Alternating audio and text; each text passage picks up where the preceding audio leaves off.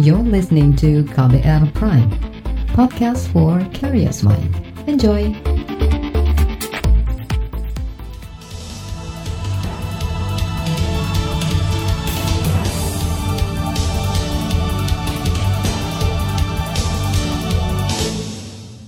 Selamat pagi saudara, kembali KBR menjumpai Anda melalui program Buletin Pagi edisi Selasa 9 Juni 2020 bersama saya Reski Mesanto. Informasi terkini untuk pagi ini di antaranya angkutan umum belum mendukung PSBB transisi di DKI Jakarta, Wapres nilai belajar jarak jauh di masa pandemi tidak maksimal dan tak punya biaya rapid test, banyak penumpang terlantar di pelabuhan Balikpapan. Saudara, inilah buletin pagi selengkapnya. Terbaru di buletin pagi. Gubernur DKI Jakarta Anies Baswedan mengklaim masyarakat yang bekerja di Jakarta semakin patuh menerapkan protokol kesehatan untuk mencegah penyebaran COVID-19. Menurut Anies, semua warga yang menggunakan angkutan umum mematuhi aturan mengenakan masker.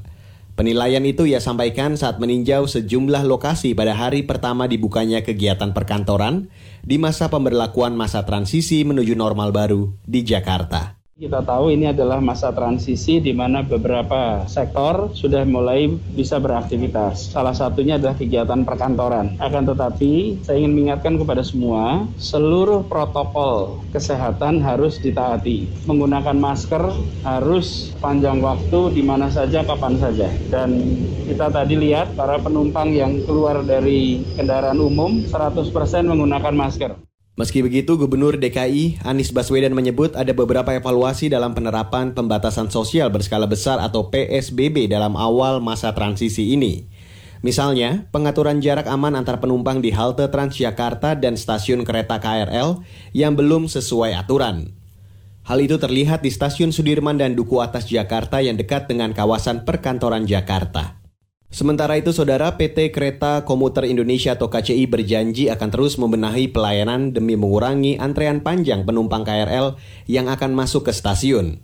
Manajer hubungan eksternal PT KCI Adli Hakim mengatakan, salah satu pembenahannya dengan menambah jadwal keberangkatan KRL.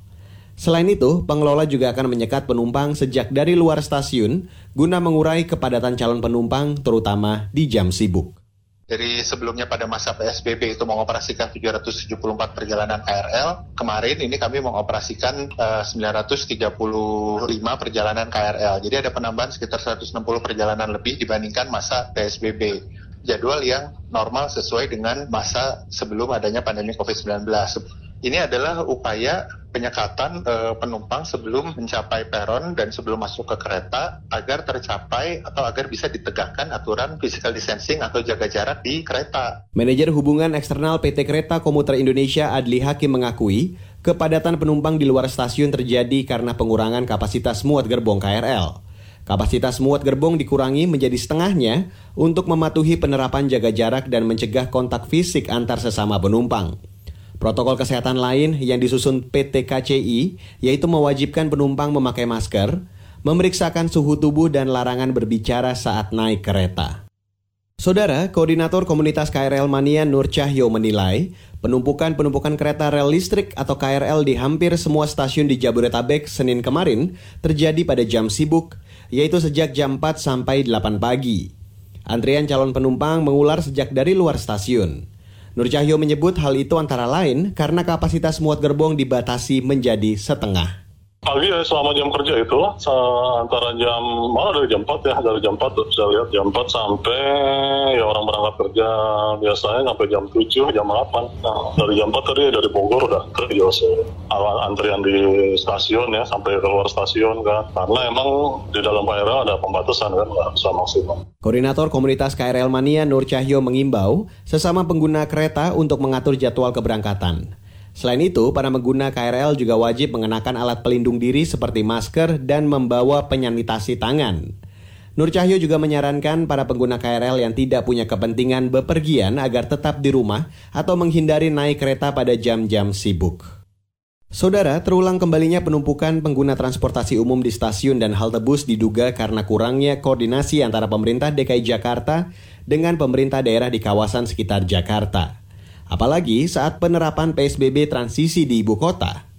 Akibatnya menurut analis kebijakan transportasi Azaz Tigor Nainggolan, kerumunan orang itu bisa berdampak fatal sebagai media penyebar virus corona terjadinya penumpukan lagi pada hari pertama berarti tidak ada koordinasi komunikasi yang baik antara Pemprov DKI Jakarta dengan eh, Pemda-Pemda di Bodetabek serta para pengelola eh, sarana angkutan umum massal ya untuk mempersiapkan bagaimana masuk kepada era transisi atau new normal itu.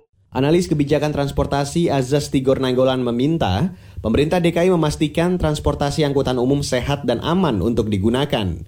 Jika penumpukan-penumpukan terus dibiarkan, maka bisa jadi klaster baru penyebaran COVID-19 melalui jasa angkutan umum. Saudara, pemerintah kaji kemungkinan pembukaan kembali sekolah di masa pandemi. Informasi selengkapnya usai jeda, tetaplah bersama kami di Buletin Pagi KBR. You're listening to KBR Pride, podcast for curious mind. Enjoy!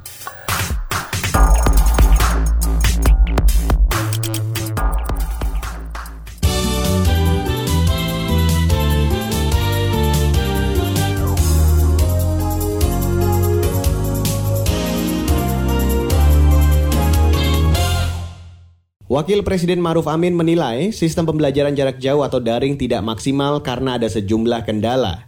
Karena itu, kata Maruf, saat ini pemerintah tengah membuka peluang pembukaan kembali sekolah di masa pandemi. Wacana pembukaan sekolah ini akan dipertimbangkan bagi wilayah yang tidak berstatus rawan penyebaran COVID-19 dan beberapa aspek lainnya.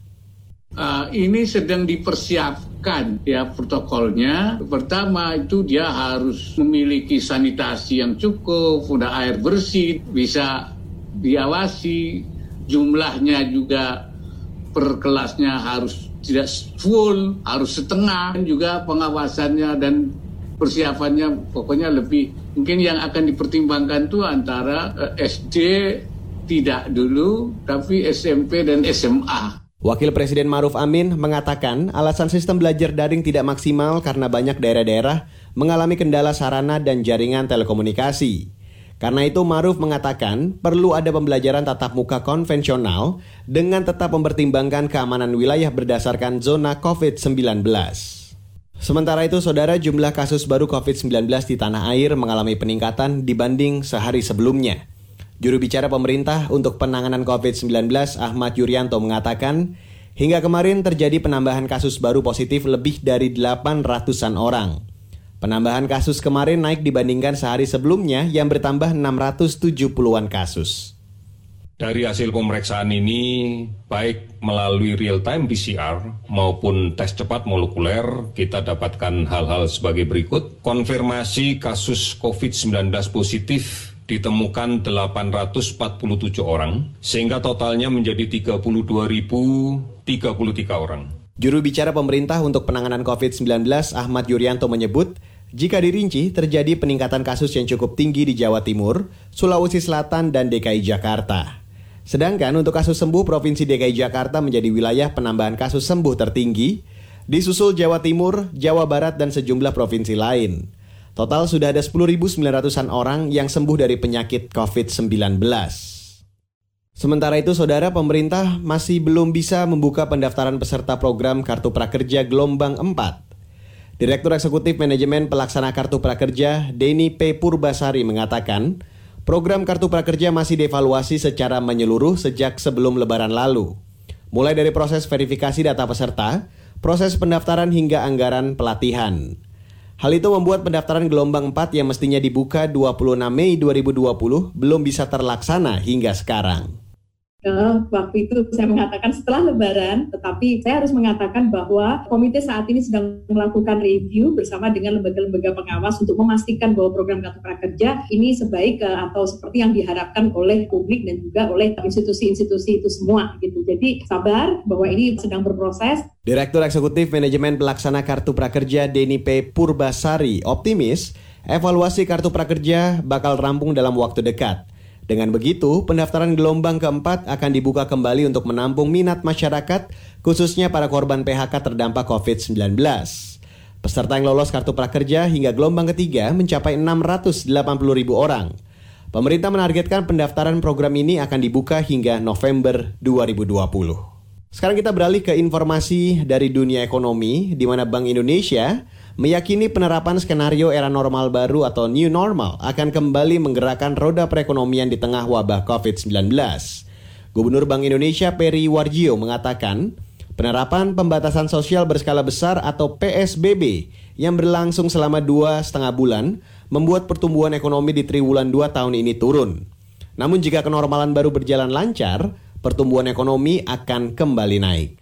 Itu itulah yang kemudian mendasari uh, proyeksi pertumbuhan ekonomi yang tentu saja 2,97 di triwulan 1 memang akan turun di triwulan 2 kemudian akan mulai naik di triwulan 3 triwulan 4 dan secara keseluruhan harapannya bisa mendekati 2,3 persen tapi dengan realisasi 2,97 persen kemungkinan kemungkinan kita harus melihat kembali uh, berbagai perkiraan ini dengan data-data terkini. Gubernur Bank Indonesia Peri Warjio optimis Indonesia bisa terhindar dari jurang resesi ekonomi akibat pandemi COVID-19. Hal ini terlihat dari tanda-tanda pemulihan ekonomi, seperti meningkatnya aliran modal asing yang masuk ke pasar surat berharga negara atau SBN. SBN tercatat masuk pada awal Juni mencapai 7,01 triliun rupiah atau naik dua kali lipat dari bulan sebelumnya. Sementara mata uang rupiah juga mengalami penguatan, saat ini nilai tukar rupiah berada di kisaran Rp13.000 per 1 dolar Amerika. Sementara itu, saudara indeks harga saham gabungan atau IHSG akhirnya berhasil menembus angka 5.000 untuk pertama kalinya dalam dua bulan terakhir. Pada perdagangan Senin kemarin, IHSG dibuka di posisi 4.947 dan terus bergerak naik. Indeks sempat menyentuh posisi tertinggi pada siang hari di posisi 5103 sebelum turun tipis di sesi penutupan pada 5070. Bursa mengalami penguatan 122 poin atau 2,4 persen. Sementara itu, saudara nilai tukar rupiah terhadap dolar Amerika Serikat melemah tipis sebesar 0,18 persen ke posisi 13.945 rupiah per satu dolar Amerika Serikat. Kita ke informasi mancanegara, jenazah warga keturunan Afrika Amerika George Floyd rencananya akan dimakamkan hari ini di kawasan Houston, Texas. Floyd adalah warga Minneapolis yang tewas kehabisan nafas usai dianiaya polisi dua pekan lalu. Kematian George Floyd memicu aksi unjuk rasa anti-rasisme di seluruh penjuru Amerika Serikat. Sementara itu, saudara calon Presiden Amerika Serikat dari Partai Demokrat Joe Biden berencana menemui keluarga korban sebelum pemakaman. Sebagai penantang Presiden petahana Donald Trump, Biden banyak menyuarakan perlunya pemulihan persatuan dan kesatuan Amerika, termasuk menghindari perpecahan rasial. Ia juga sudah menawarkan sejumlah program reformasi di tubuh kepolisian. Saudara, laporan khas KBR tentang menyoal kekerasan seksual di kampus bagian 2 akan hadir usai jeda. Jadi tetaplah bersama kami di Buletin Pagi KBR. You're listening to KBR Pride, podcast for curious mind. Enjoy!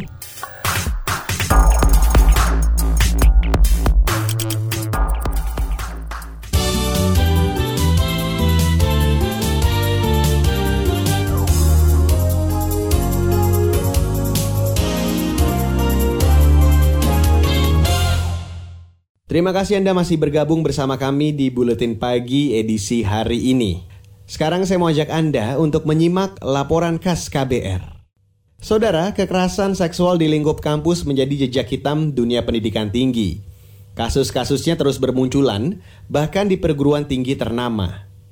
Di sisi lain, saudara, aturan kampus tentang pencegahan dan penanganan kekerasan seksual tak kunjung terbit. Inilah laporan bagian kedua yang disusun jurnalis KBR, Valda Kustari ini.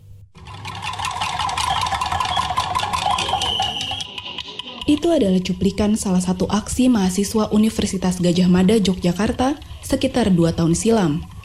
Mereka memukul kentongan dan membunyikan peluit tanda bahaya darurat kekerasan seksual di kampus biru. Kala itu, UGM menjadi sorotan lantaran kasus perkosaan yang dialami Agni, mahasiswi Visipol saat kuliah kerja nyata di Maluku pada 2017. Pelakunya adalah mahasiswa teknik berinisial HS. Buntut dari kasus ini, UGM dituntut menerbitkan aturan pencegahan dan penanganan kekerasan seksual. Pihak rektorat meresponnya dengan membentuk tim perumus beranggotakan dosen lintas fakultas. Ketua tim, Muhajir Darwin mengklaim draft aturan sesungguhnya sudah rampung pada Mei 2019, namun baru disahkan Januari 2020. Selesai itu bulan Mei, uh, tanggal 29 tapi nggak serah segera dilegalisasi itu sama rektor itu dibawa ke Biro Hukum maksudnya kan untuk memoles agar peraturannya itu menjadi make sense dengan dibandingkan dengan peraturan-peraturan rektor sebelumnya bla bla. Proses finalisasi draft berlangsung lama lantaran mandek di level atas tim hukum dan organisasi rektorat sempat mengubah rancangan aturan yang justru terlihat memihak pelaku kekerasan seksual. Namun, di rapat Senat, revisi draft itu ditolak kita merasa kecolongan ya. Kami harus dipertemukan oleh tim Hukor untuk duduk satu meja membicarakan mengenai perubahan-perubahan itu. Tidak 100% sama dengan rumusan kami, tapi sebagian besar diakomodasi, bisa dibawa lagi ke rapat senat, kemudian sudah disahkan ya. Usai melalui proses panjang, peraturan rektor tentang pencegahan dan penanganan kekerasan seksual disahkan pada Januari lalu. Muhajir menyayangkan lambannya pihak kampus dalam menuntaskan regulasi. Sikap abai semacam inilah yang membuat budaya perkosaan masih langgeng di dunia pendidikan tinggi ketika si pelaku itu tidak mempunyai kesadaran untuk harus meminta persetujuan dan si objek pun tidak punya juga keberanian untuk memberikan persetujuan atau penolakan di situ kita dihadapkan kepada fenomena consequential culture rape culture yang ada di universitas ya, dan saya kira kampus-kampus di Indonesia mengalami itu semua Meski terlihat selangkah lebih maju dibandingkan kampus lain, pelaksanaan aturan pencegahan dan penanganan kekerasan seksual di UGM sebenarnya belum jelas. Muhajir menyebut proses ke arah itu terhenti sementara karena pandemi COVID-19. Salah satu aturan yang sudah disosialisasikan UGM lewat media sosial adalah mekanisme pengaduan korban kekerasan seksual melalui unit pelayanan terpadu. Sementara itu, anggota tim perumus Triwiyanti Ediono menuturkan, kampus terus menunjukkan sikap tegas dalam menentang segala bentuk kekerasan seksual. Kampus wajib memberi perlindungan kepada korban dan memberikan sanksi berat kepada pelaku. Jadi artinya dia proses perlindungan korban, investigasi, sanksinya juga adalah sanksi-sanksi administratif akademik. Yang mengkhawatirkan ini ada fenomena baru. Kampus malah menunggu dulu prosedur hukum pidananya, baru nanti kemudian dia memproses hukum administrasinya. Ya, jangan sampai saling menunggu karena di situlah ada proses impunitas. Kampus juga harus aktif menyebarkan prinsip tidak ada toleransi atau zero tolerance terhadap kekerasan seksual. Zero tolerance kekerasan ini harus mulai kita sosialisasikan kepada mahasiswa baru, kepada dosen baru, kepada karyawan baru, mendorong setiap perempuan memiliki uh, asertivitas ya. Ini kan banyak sekali kita terkungkung dengan budaya yang permisif. Budaya seperti ini mungkin perlu dirubah. Dosen Fakultas Hukum ini mengakui konstruksi hukum di Indonesia belum berpihak pada korban. Pasalnya, ada banyak dimensi kekerasan seksual yang tidak termuat dalam hukum pidana. Alhasil, Kasus yang sampai ke pengadilan sangat minim. Hal senada diungkapkan anggota LBH Yogyakarta, Julian Dwi Prasetya. Kondisi tidak ideal ini makin diperparah oleh sikap diam para korban kekerasan seksual. Proses hukum yang didambakan oleh penyintas itu nggak memenuhi rasa keadilan mereka itu sendiri. Susah sekali ngomong yang itu merupakan aib. Yang dianggap aib itu merupakan sesuatu e, hal yang itu menganggap dirinya nggak sempurna. Yang harusnya kita dukung mereka ini. Kalau mereka diam saja, e, pelakunya ya baik-baik saja. Selain kampus, peran sentral semestinya ditunjukkan pula oleh pemerintah daerah. Wilayah yang banyak didatangi para perantau, seperti Yogyakarta, Pemdanya harus aktif memberi perlindungan kepada warga dari kejahatan seksual. Harusnya sudah siap bahwa di sini uh, posisi demografi masyarakatnya akan banyak orang perantauan. Di lingkungan baru ini harusnya menyediakan tempat yang itu aman bagi mereka. Demikian laporan khas KBR, saya Valda Kustarini. Saudara, informasi dari daerah akan kami sajikan sesaat lagi usai jeda. Jadi tetaplah bersama kami di Buletin Pagi KBR. You're listening to KBR Pride, podcast for curious mind. Enjoy!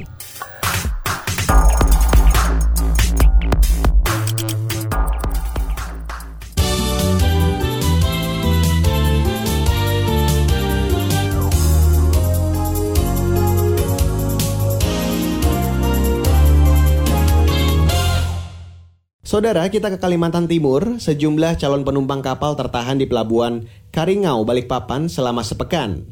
Salah satunya adalah Dian yang hendak pulang ke Palu, Sulawesi Tengah. Dian mengatakan ia tertahan di pelabuhan karena tak mampu membayar rapid test COVID-19. Jika harus rapid test mandiri, mereka harus mengeluarkan biaya Rp500.000 per orang. Makannya sama minum dua kali sehari. Mm-hmm. Soalnya kalau mau makan tiga kali nggak cukup uangnya. Saya mohon dari pemerintah bisa bantu kita semua. Kita siang lapar ditunda, kendati makannya sore supaya bisa sampai malam.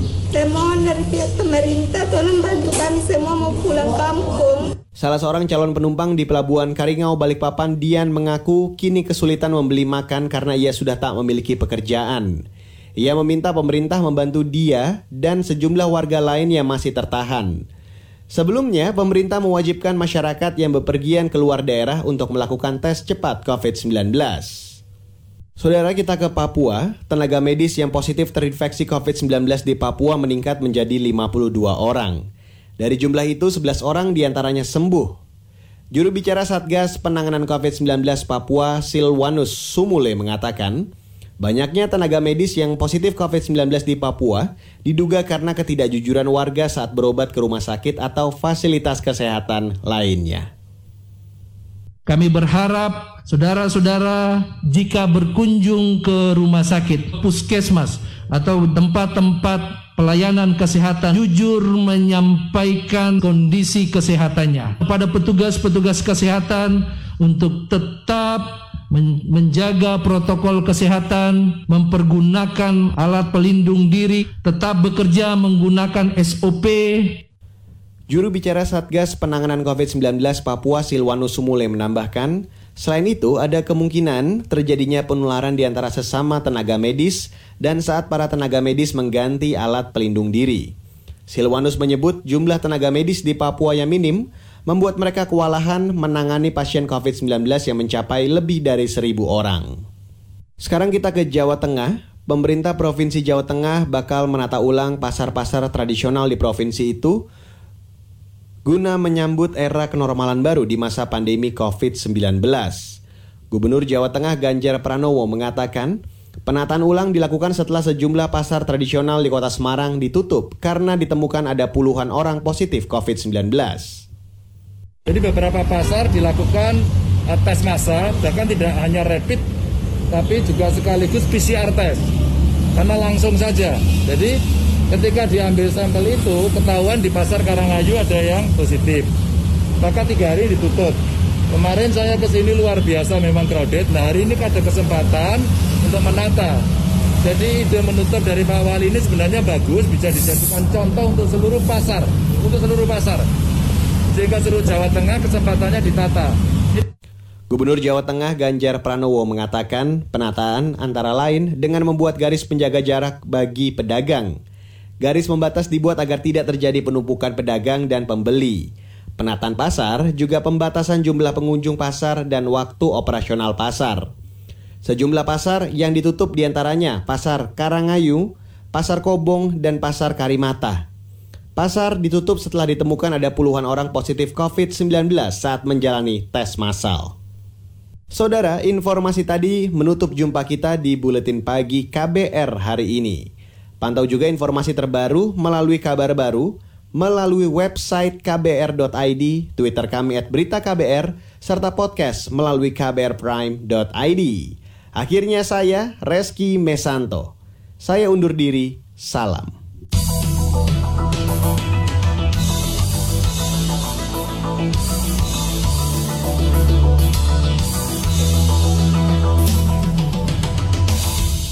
KBR Prime, cara asik mendengar berita.